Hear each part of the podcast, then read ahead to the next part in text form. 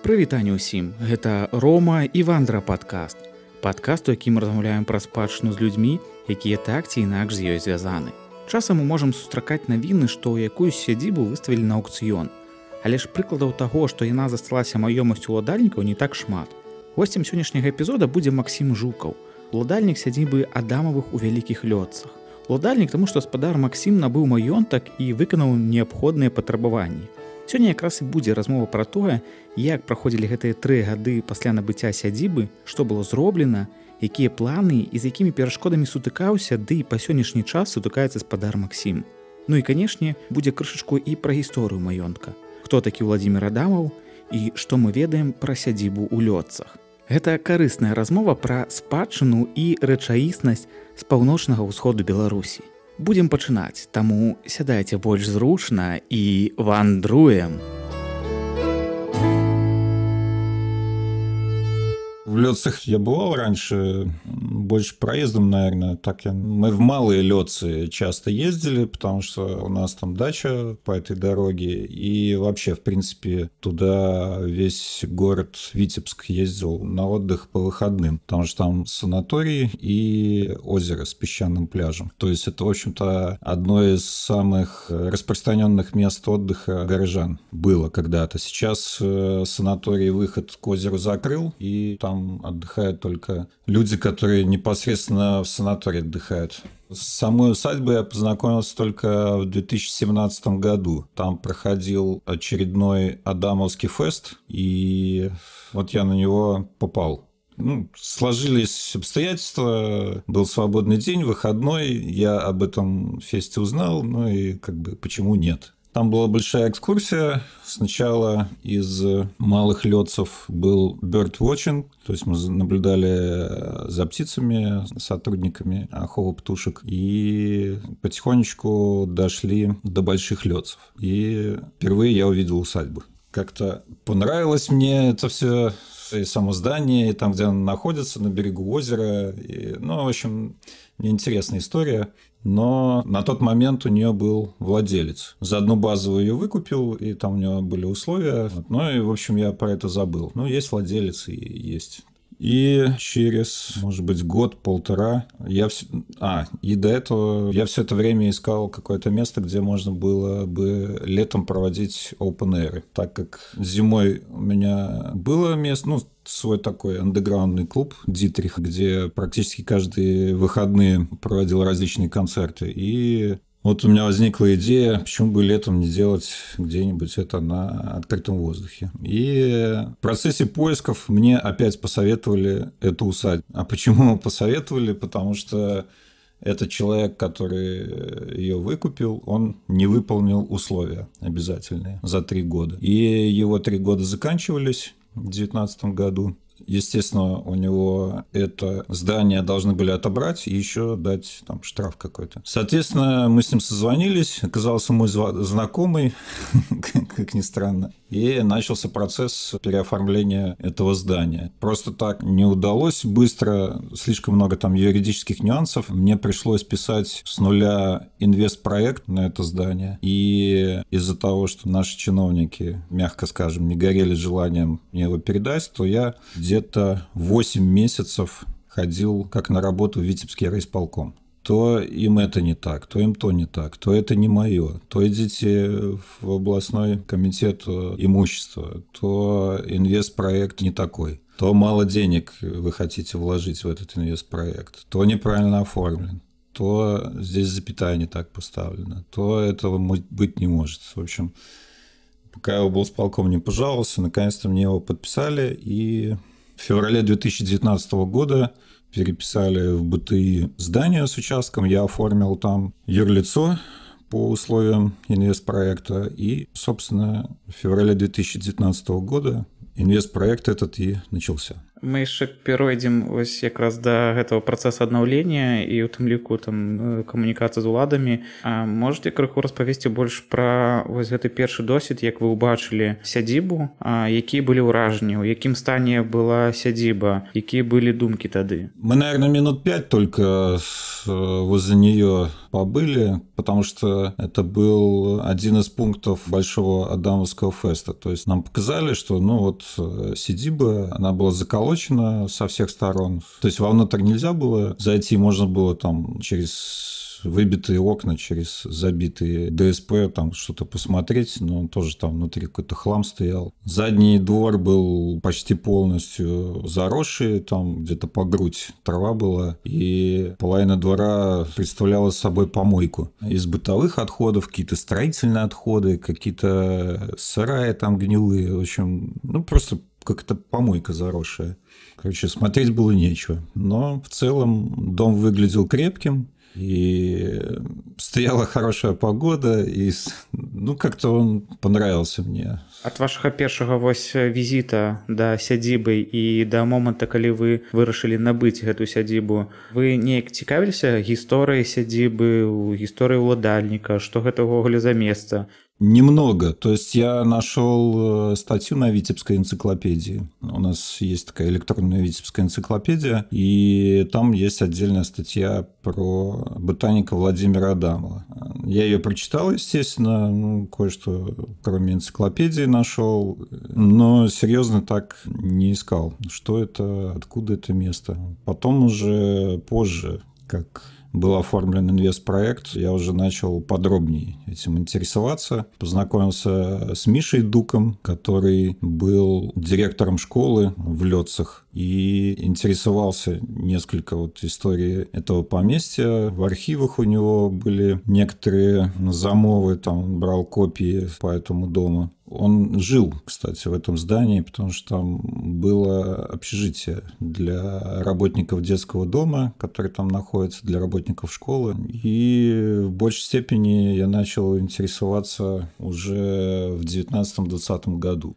Плотно сидел в Витебском архиве, прошлым летом, по-моему, Национальный архив съездил. Из открытых источников в интернете нашел много информации, в том числе и на сайтах российских архивов, которые было выложено. То есть это все после 2019 года пошло так подробно. Перайдзем крыху вось да вот этой гістарычнай часткі сядзіба двор э, з вот гэтай зялёнай тэрыторыі а яны належалі батаніку владимиру адамову. Аднак як адзначаецца што гэта яму перайшло як маёмасць ад яго бацькоў Что было вось до гэтага двадцатого стагоддзя калі сюды прыехаў адамов история такая интересная но типичная для земель великого княжества литовского и далее речи посполитой в 1657 году от Августа Базилегу Летецкого имение переходит к его сыну Александру Летецкому. Затем э, в архивах мы находим акт от 1775 года, где братья Казимир и Станислав Летецкие то ли продают, то ли неизвестно, что непонятно пока, что они делают. У меня нет точного дословного перевода, потому что это на польском написано. И там подробное описание имения и существует две версии, что это описание сделано для аннексии этого имения, да, то есть Получается же, в это время как раз происходит третий раздел Речи Посполитой, и очень много собственности просто забирают и передают российским чиновникам или там генералам. И в этой бумаге как раз описывается акт передачи, я так понимаю. Но было еще имение у Летецких в Малых Лёцах. Поэтому неизвестно, что он то ли он продает имение в малых летцах, а большие летцы у него забирают, то ли он передает большие летцы, то есть неизвестно. Далее получается пробел, и мы уже перескакиваем в 19 век, потому что на картах 1785 года там имение Летецких есть, оно нарисовано, оно находится на том же месте, где стоит здание, но земли не отмечены, неизвестно, чьи это земли. И в XIX веке мы уже узнаем, что имение принадлежит внезапно генералу Шварцу. И затем от генерала Шварца это имение переходит к его дочери, которая является матерью Адамова. Они из Санкт-Петербурга, и в Ладоге было тогда еще имение. И похоже, что в это время, где-то в середине 19 века, происходит капитальная перестройка самого здания потому что изначально, предположительно, было вот это имение одноэтажное небольшое, построенное в середине 18 века, и от него осталась старая часть со сводчатыми стенами, с подвалом, в барочном стиле сделанная. И затем к этому зданию пристроили еще второй этаж и еще справа объем в размере где-то двух таких зданий. Получилось современное, как мы сейчас видим на фотографиях, огромное двухэтажное здание. Кстати, очень похоже на имение Шварца, которое у них есть в Старой Ладоге, которое тоже до сих пор сохранилось. Тоже двухэтажное, похожее на казарму. Но там второй этаж кирпичный, а здесь деревянный. Видимо, денег не совсем хватило. Вот такая вот краткая история, как от Летецких э, перешло к Адамову. То есть сам переход мы не знаем. То ли это имение отобрали у Литецких после раздела третьего, третьего раздела Речи Посполитой, то ли под давлением Литецкие продали Шварцу, то ли... Ну, неизвестная история, в общем. Спадар Максим, вы кажете, что мы не ведаем, это просто мы не изнашли гэтыя дадзеныя, ці просто еще не шукали их? Вполне возможно, где-то в российских архивах есть какая-то информация, потому что я иногда натыкаюсь на различные сведения, но конкретно этого периода, перехода земель от одного одного государства к другому нету вообще ничего. То есть либо они были уничтожены, либо они где-то в российских архивах лежат очень далеко, нужно специально ехать где-то искать, потому что данные вообще всплывают неизвестно где Вот этот вот э, белый пробел существует. Вы узгадалі, што ў шварца было яшчэ такое же маёнтак у ладазе А зараз вядом яго лёс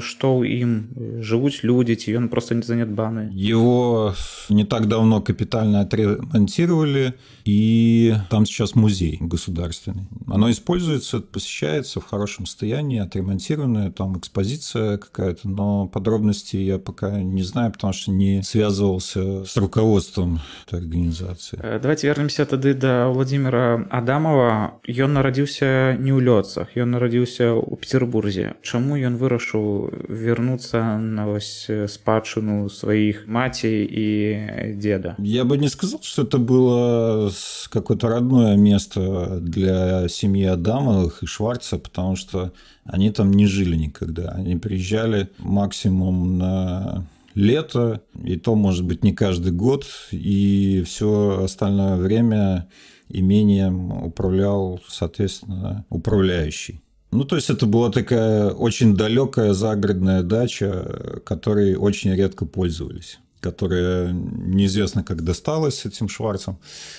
По поводу того, почему он переехал, он же закончил институт в Санкт-Петербурге, Владимир Адамов, и, соответственно, получил профессию ботаника. Я так понимаю, что он решил посвятить этой науке всю свою жизнь. Соответственно, усадьба Большой Ладоги была занята другими родственниками в Санкт-Петербурге. Не особо займешься. И вот он решил переехать в Лёцы, разбить там ботанический сад и заняться, собственно, ботанической практикой и исследованиями. Мне так видится сейчас, судя по тому, что я нашел в архивах. И это ему удалось Ботанический сад был разбит, там было несколько тысяч э, различных растений, в том числе экзотов. Там были парники, там были плантации лекарственных трав. Там было устроено, устроены террасы ботанического сада. Озеро Лёдца, такое карстовое, находится в низине. И благодаря этому температура там немного теплее, и там были высажены различные растения на этих террасах. Ну, естественно, собрана библиотека ботаническая, большой гербарий, и даже какое-то растение было названо именем Адамова, которое он сам нашел. То есть это был э, один из самых известных ботаников Европы в то время, конец 19-го, начало 20 века. Ботанический сад в Лёцах э, на то время считался одним из самых больших в Европе по количеству различных сортов растений. И после революции, когда Усадьба была экспроприирована, и Адамова выгнали из этого здания. Большая часть коллекции послужила материалом для создания Витебского ботанического сада, который был создан в 20-х годах прошлого века. Вы сказали, что ботаничный сад у Лёцах, он был сам ну, наибольш буйны у Европе по колькасці. А калі казаць пра плошчу гэтага сада, з чым мы можам параўнаць для тых людзей, хто там не быў у Лёцах, каб разумець велічыню? Ну, небольшой там, по-моему, всего лишь несколько гектаров было. А ці захавались нейкія вось архіўныя звесткі, дакументы, мабыць, нейкія фотаздымкі, каб разумець, як гэты сад выглядаў. Да, несколько планов э, осталось 20-х годов и начало 20 века, ну, дореволюционные, но они такие схематические при, приближенно привязанные к местности, скажем так.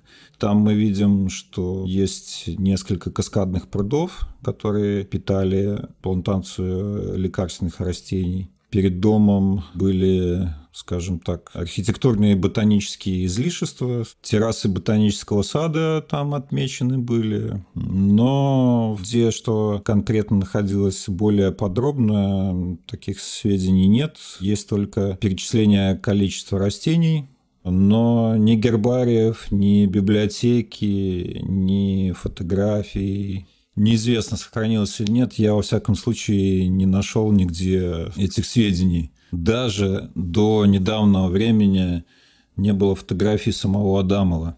Мы даже не знали, как он выглядит. Один из э, самых известных, ну, если считать, э, если говорить о территории Беларуси, это был, наверное, ну, самый известный ботаник. Я так как-то не припоминаю, кто единолично смог э, такой ботанический сад сделать э, у нас в Беларуси. И мы не имели даже фотографии его.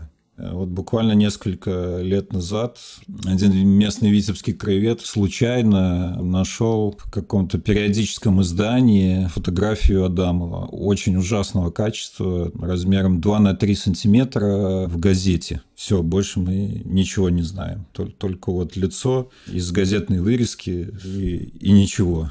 Также нет, до сих пор я не нашел никаких планов э, самого дома, ни фотографий дома. Единственная фотография, которая есть, э, ну, точнее их четыре фотографии только я нашел. Одна довоенная, где здание еще с портиком и с колоннами стоит. И три фотографии приблизительно 70-х годов где портик уже зашит э, там какой-то фанерой, там сделан. Ну, это отдельная закрытая входная группа, и там детдомовцы вот на какой-то линейке. Больше ничего нет, никаких фотографий.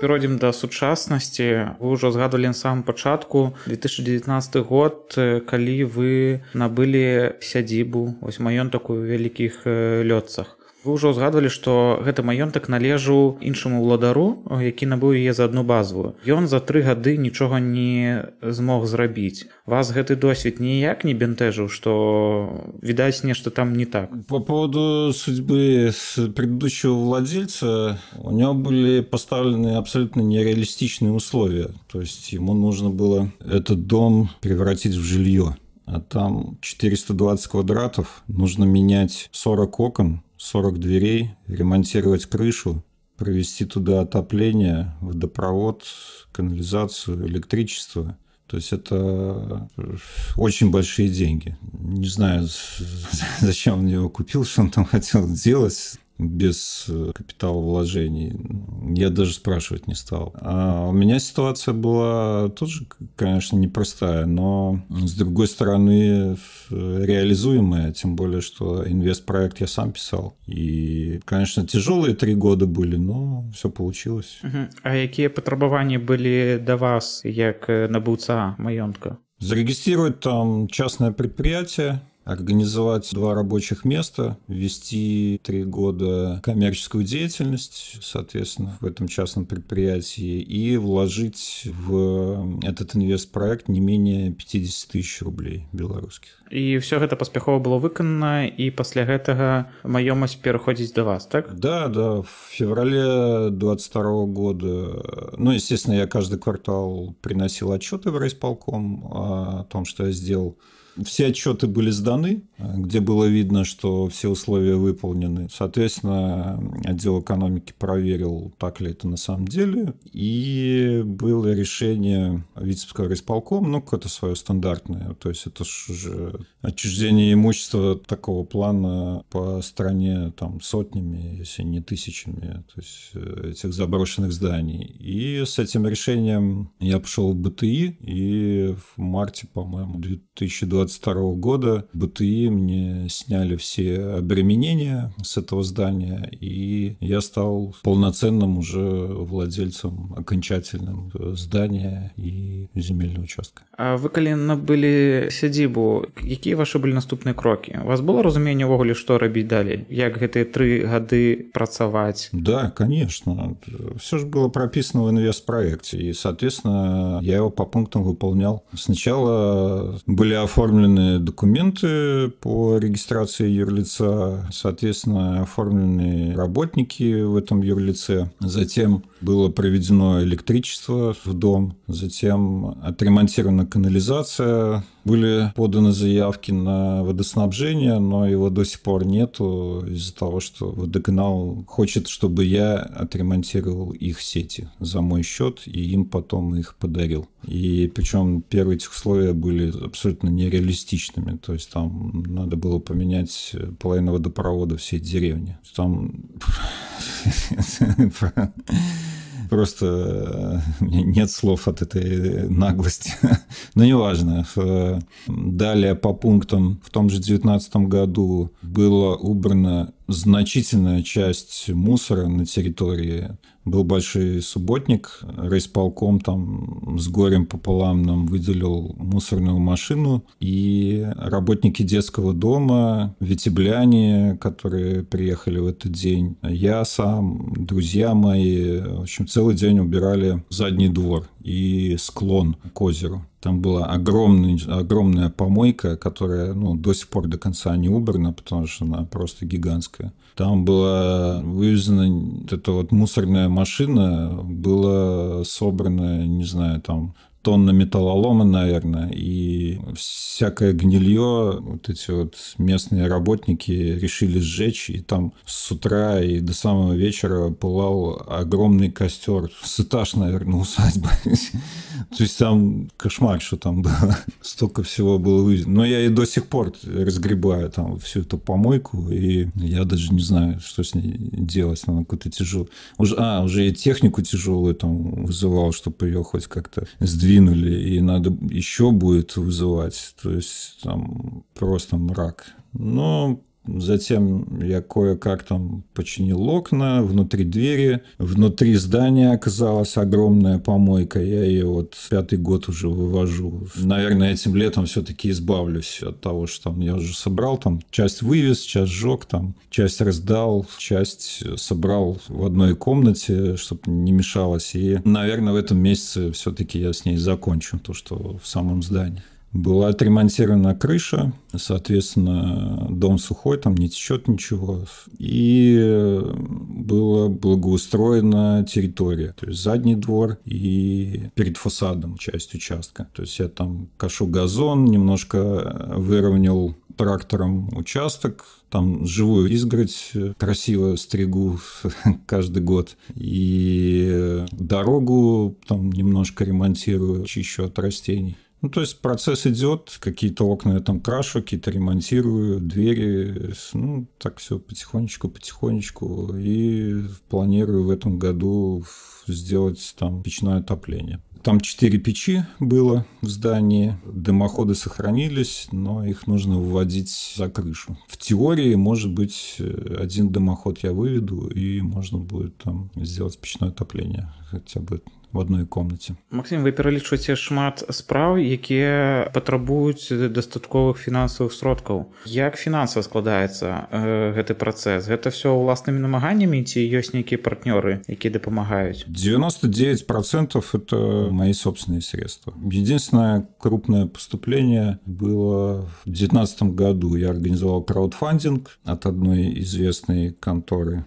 который сейчас не существует. И вот мы собрали на подключение электричества какую-то сумму. То есть, ну, ее не хватило, но это были нормальные средства, более-менее. Ну и все. И так периодически мне присылают э, донаты разные люди. И деньгами, и вот э, девушка одна подарила два новых велосипеда, чтобы там можно было ездить. И помогают иногда на субботниках, например, там камни собрать по участку или там еще что-нибудь такое. Но так кардинальных сторонних вложений, конечно, нет вообще никаких. Гэта вы не шукалі гэта інвеставанне ці проста яно не патрэбна ці мабыць шукалі аднак не было нейкай зваротнай сувязі от грамадства что касается различных фондов то сейчас конечно это не очень приемлемо. То есть э, в двадцать первом году мы так нашли какое-то финансирование на адамовский фест но он был такой полузакрытый.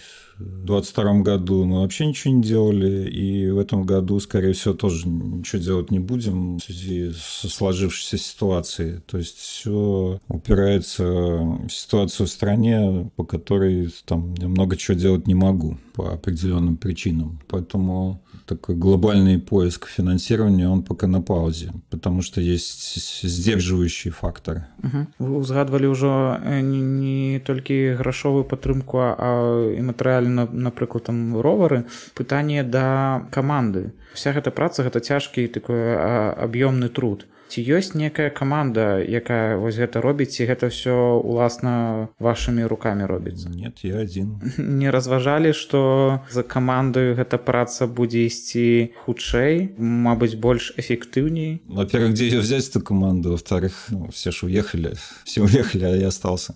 Але ж э, пошукі нейкія былі ці гэта пошукаў нават і не было і просто вось такое вось стаўленне да да каманднай працы? А чем заинтересоўваць э, людзей которые будут работать в камандзе э, ну тут альбо грашовая падтрымка альбо энтузіазм гэтых людзей той бок людзі заахвочаныя нейкім краязнаўствам гісторыі спадчыны і яны далучаюцца вось на нейкім энтузіазме. Но у меня есть люди которые периодически помогают мне своими знаниями. Вот известный витебский архитектор глеб орловский который собственно занимается спадщиной архитектурных сооружений в основном дореволюционных. Вот он несколько раз приезжал, мы исследовали здание, я ему задавал интересующий меня вопрос, он как специалист мне отвечал. Делали расшивку старого входа в той части здания 18 века. Там он мне подсказывал, где найти в архивах ту или иную информацию. То есть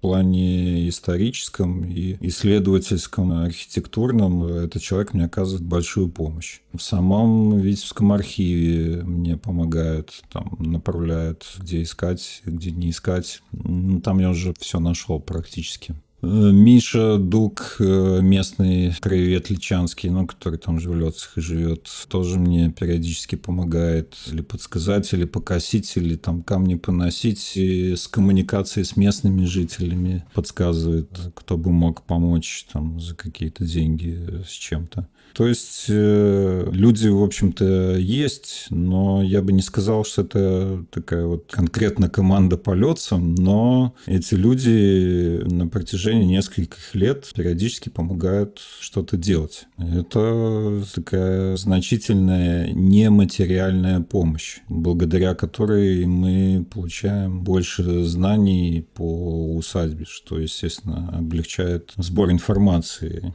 и вообще понимание, что тут было.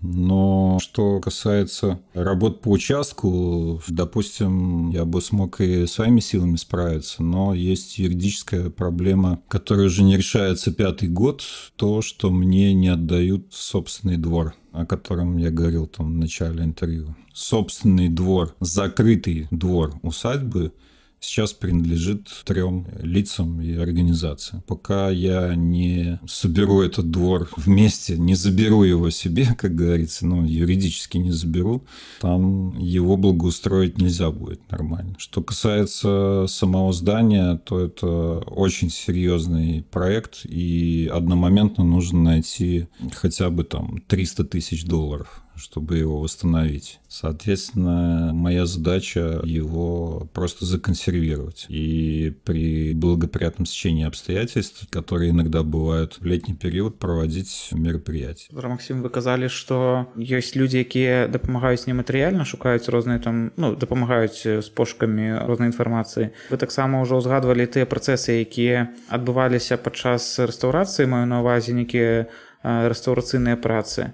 Пытанне такое гэты все працы рэстаўрацыйныя яны неяк адпавядаюць гістарычнаму выгляду будынка? Ці гэта просто робіцца у межах сваёй магчымасці там у межах свайго густу? Это не реставрация это исследование. Чтобы заниматься реставрацией нужно сразу же капитально ремонтировать здание мы, например, определили, что действительно изначально усадьба выглядела по-другому. Это было одноэтажное здание с подвалом, центральным входом, центральным коридором по обеим сторонам, в котором находилась анфилада комнат. И неизвестно, был ли второй этаж, но, скорее всего, был одноэтажный. Неизвестно, были ли колонны или интересное архитектурное излишество на центральном входе. Мы определили, что был выход из подвала наружу. Туда заезжала телега, наверное, с провиантом, которая зимой хранилась. Мы обнаружили четыре печи и, по сути,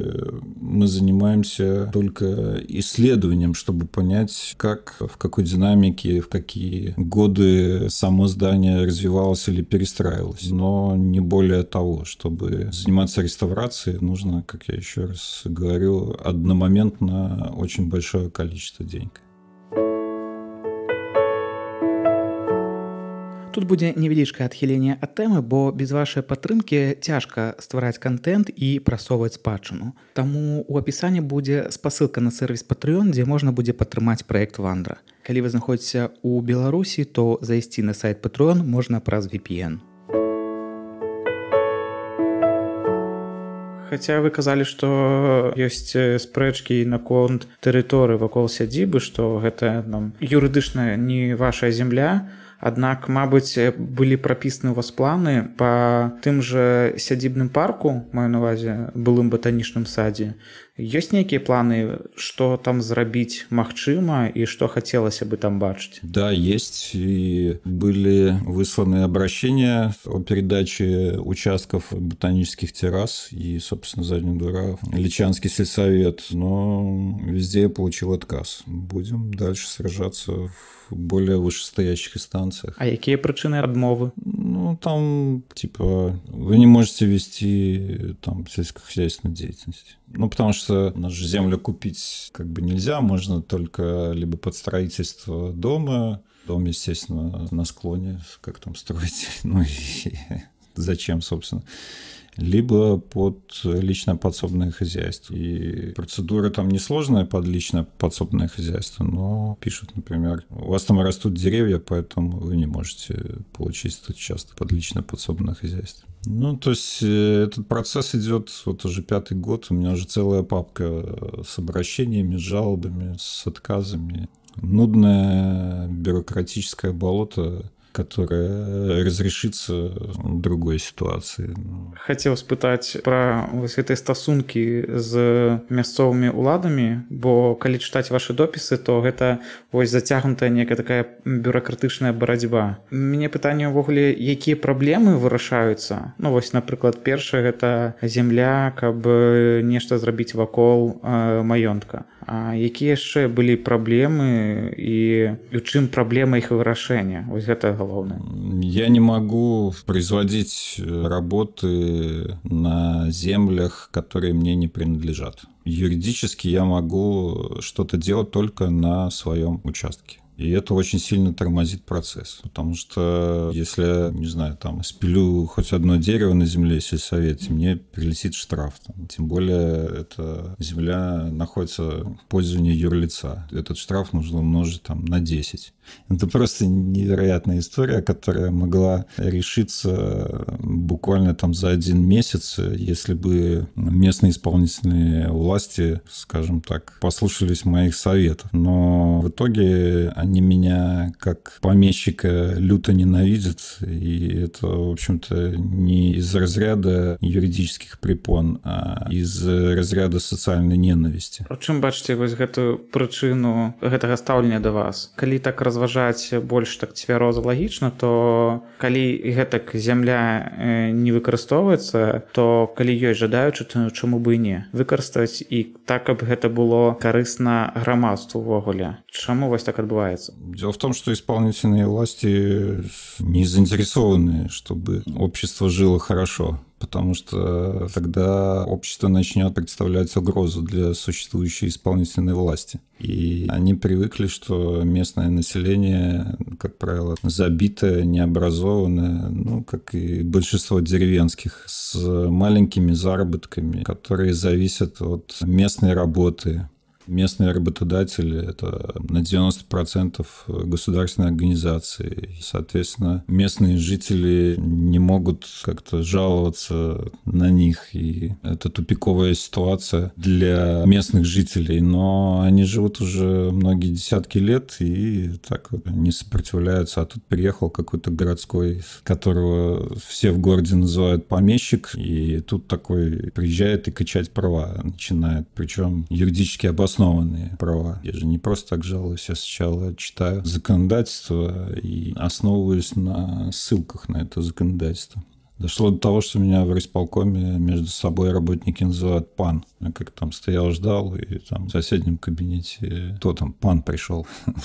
Ну и получается, что нашла коса на камень. А ці адчуваецца некая падтрымка сярод мясцовага жыхарства вёсак? От кого-то да кто-то равнодушно кто-то скажем так морально поддерживает кто-то помогает кто-то бесплатно помогает кто-то за деньги помогает. То есть ну по-разному все есть и те кто просто ненавидит что я вот пришел такой помещик. А чым яны аргументуюць ты хто ненавидеть тут люди пожилого возраста совковой ментальности они думают, что вот как раз один из тех людей, который захватил мой собственный двор, ну, двор усадьбы, скажем так, он говорит, ты взял эту усадьбу и теперь гребешь деньги лопатой откуда я гребу там с этой усадьбы деньги, как вообще можно было подумать э, об этом. То есть, ну, какой-то когнитивный диссонанс у человека. То есть, как будто у меня в подвале лежит сундук там с золотом какой-то, да, и вот я лопатой гребу, гребу оттуда, и остановиться не могу. Ну и, и тот же человек через некоторое время сказал, что, ну, мы же там встречаемся, говорит, у вас надо отобрать это все. Ну, ну ладно, отберешь ты, и что дальше? Ну ты ж не будешь ее восстанавливать. И государство не будет восстанавливать. Ну, это вот такое типично совковое мышление определенной части населения. Вось гэта стаўленне мясцовых у тым ліку суседзей стаўленне вось гэтых этой бюракраты і гэтых адмоў ад мясцовых улад. Яно дэматывуе ці гэта некая такая ўжо гульня якую неабходна выйграць? Ну с ты просто закусил удила и идешь дальше как лошадь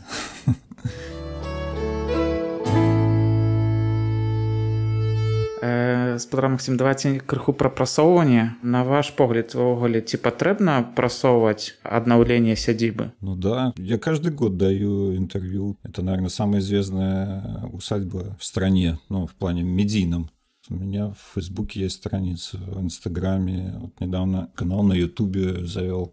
Чем больше известности вообще к таким объектам, тем, конечно, лучше для реновации этого же объекта. Угу. Як вы лічыце зараз на дадзены момант, наколькі вось эфектыўна праходзіць гэтае прасоўванне і ці ёсць некая такая недапрацоўка то бок ёсць некае адчуванне што не ўся аўдыторыя яшчэ ахопленая якая можа даведацца пра сядзібу і варта яшчэ працаваць над гэтым все зависит от количества средств массовой информации например в девятнадцатом году было большое количество и в девятнадцатом году был самый большой охват по усадьбе. Если до 19 года про усадьбу можно было почитать только на странице Витебской энциклопедии и Википедии страницы, но Википедия это, собственно, и копия со страницы Витебской энциклопедии ну и по большому счету больше ничего, то к концу 2019 года, если ты в поисковике забивал Адамов, там большие лёцы, мини-лёцы, то сразу выскакивала куча, ну, просто несколько страниц, в основном моих интервью и перепечаток с моих интервью.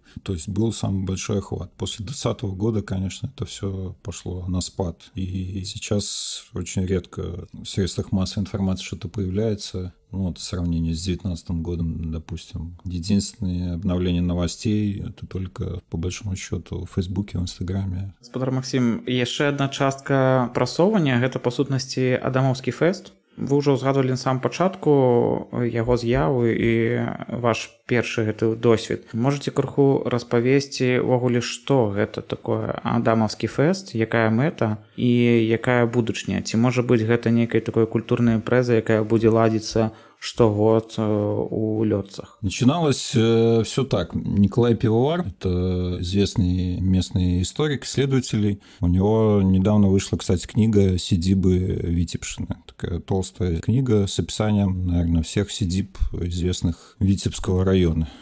Так вот, Николай Пивовар с Романом Вороновым, это тот же историк, известный там витебский деятель, он сейчас в Польше живет, делали экскурсию по сидибах местных и заехали в Лёцы. Там они познакомились с Мишей Дуком, ну, вот, как, о котором я говорил, местный краевед э, Личанский, бывший директор Личанской школы. И взялись они организовать мероприятие, чтобы почистить территорию вокруг усадьбы, потому что к тому времени, это начало десятых годов, 2010-х годов. Общежития уже там не было в этом здании, уже все жильцы там выехали, и там все заросло.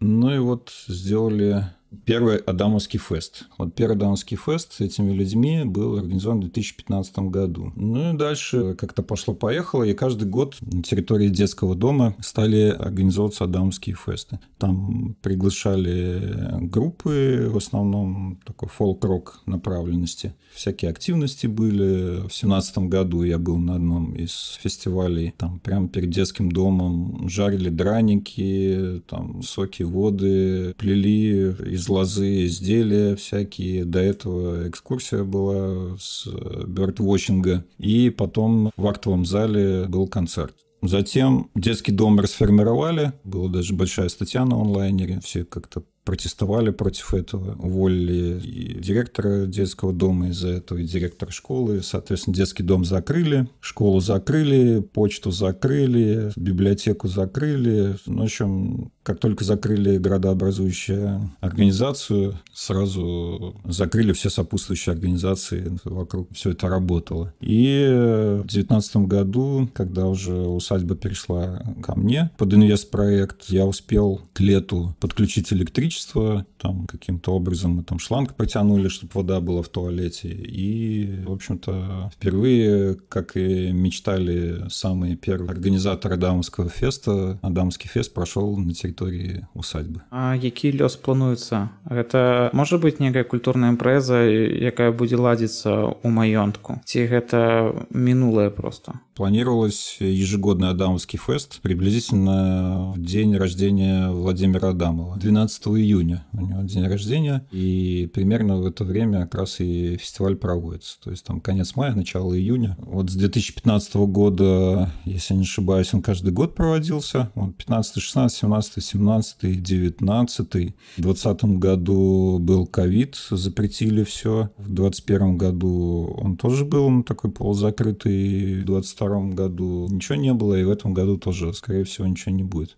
Как только ситуация будет более благоприятной, то фестиваль продолжится, он будет проходить ежегодно и в больших масштабах, в особенности, если мне наконец-то передадут весь задний двор усадьбы, на котором и проводится фестиваль потому что там немного места, и фестиваль проводился, если так юридически говорить, э, и на моем участке, и на участке сельсовета.